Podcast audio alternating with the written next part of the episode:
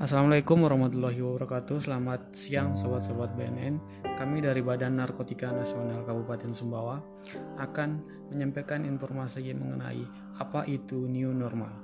New normal adalah perubahan perilaku untuk tetap menjalankan aktivitas normal Tetapi dengan ditambah dengan menerapkan protokol kesehatan Guna mencegah terjadinya penularan virus corona atau COVID-19 Pengertian tersebut dijelaskan oleh Wiku Adhisa Smita, Ketua Tim Pakar Gugus Tugas Percepatan Penanganan COVID-19.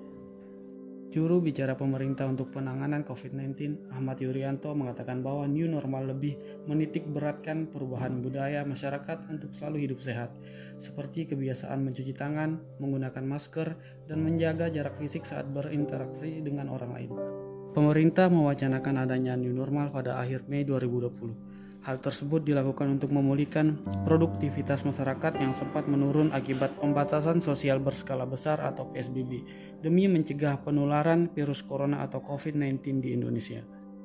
Masyarakat harus menjalankan kehidupan new normal hingga tahun depan, bahkan lebih dari itu. Perubahan perilaku akan menjadi kunci optimisme dalam menghadapi virus corona atau COVID-19 dengan menerapkan protokol kesehatan sesuai anjuran pemerintah.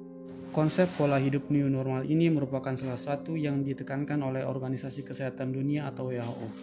WHO menyebutkan bahwa sejumlah hal yang harus diperhatikan pemerintah suatu wilayah atau negara untuk melonggarkan pembatasan terkait virus corona.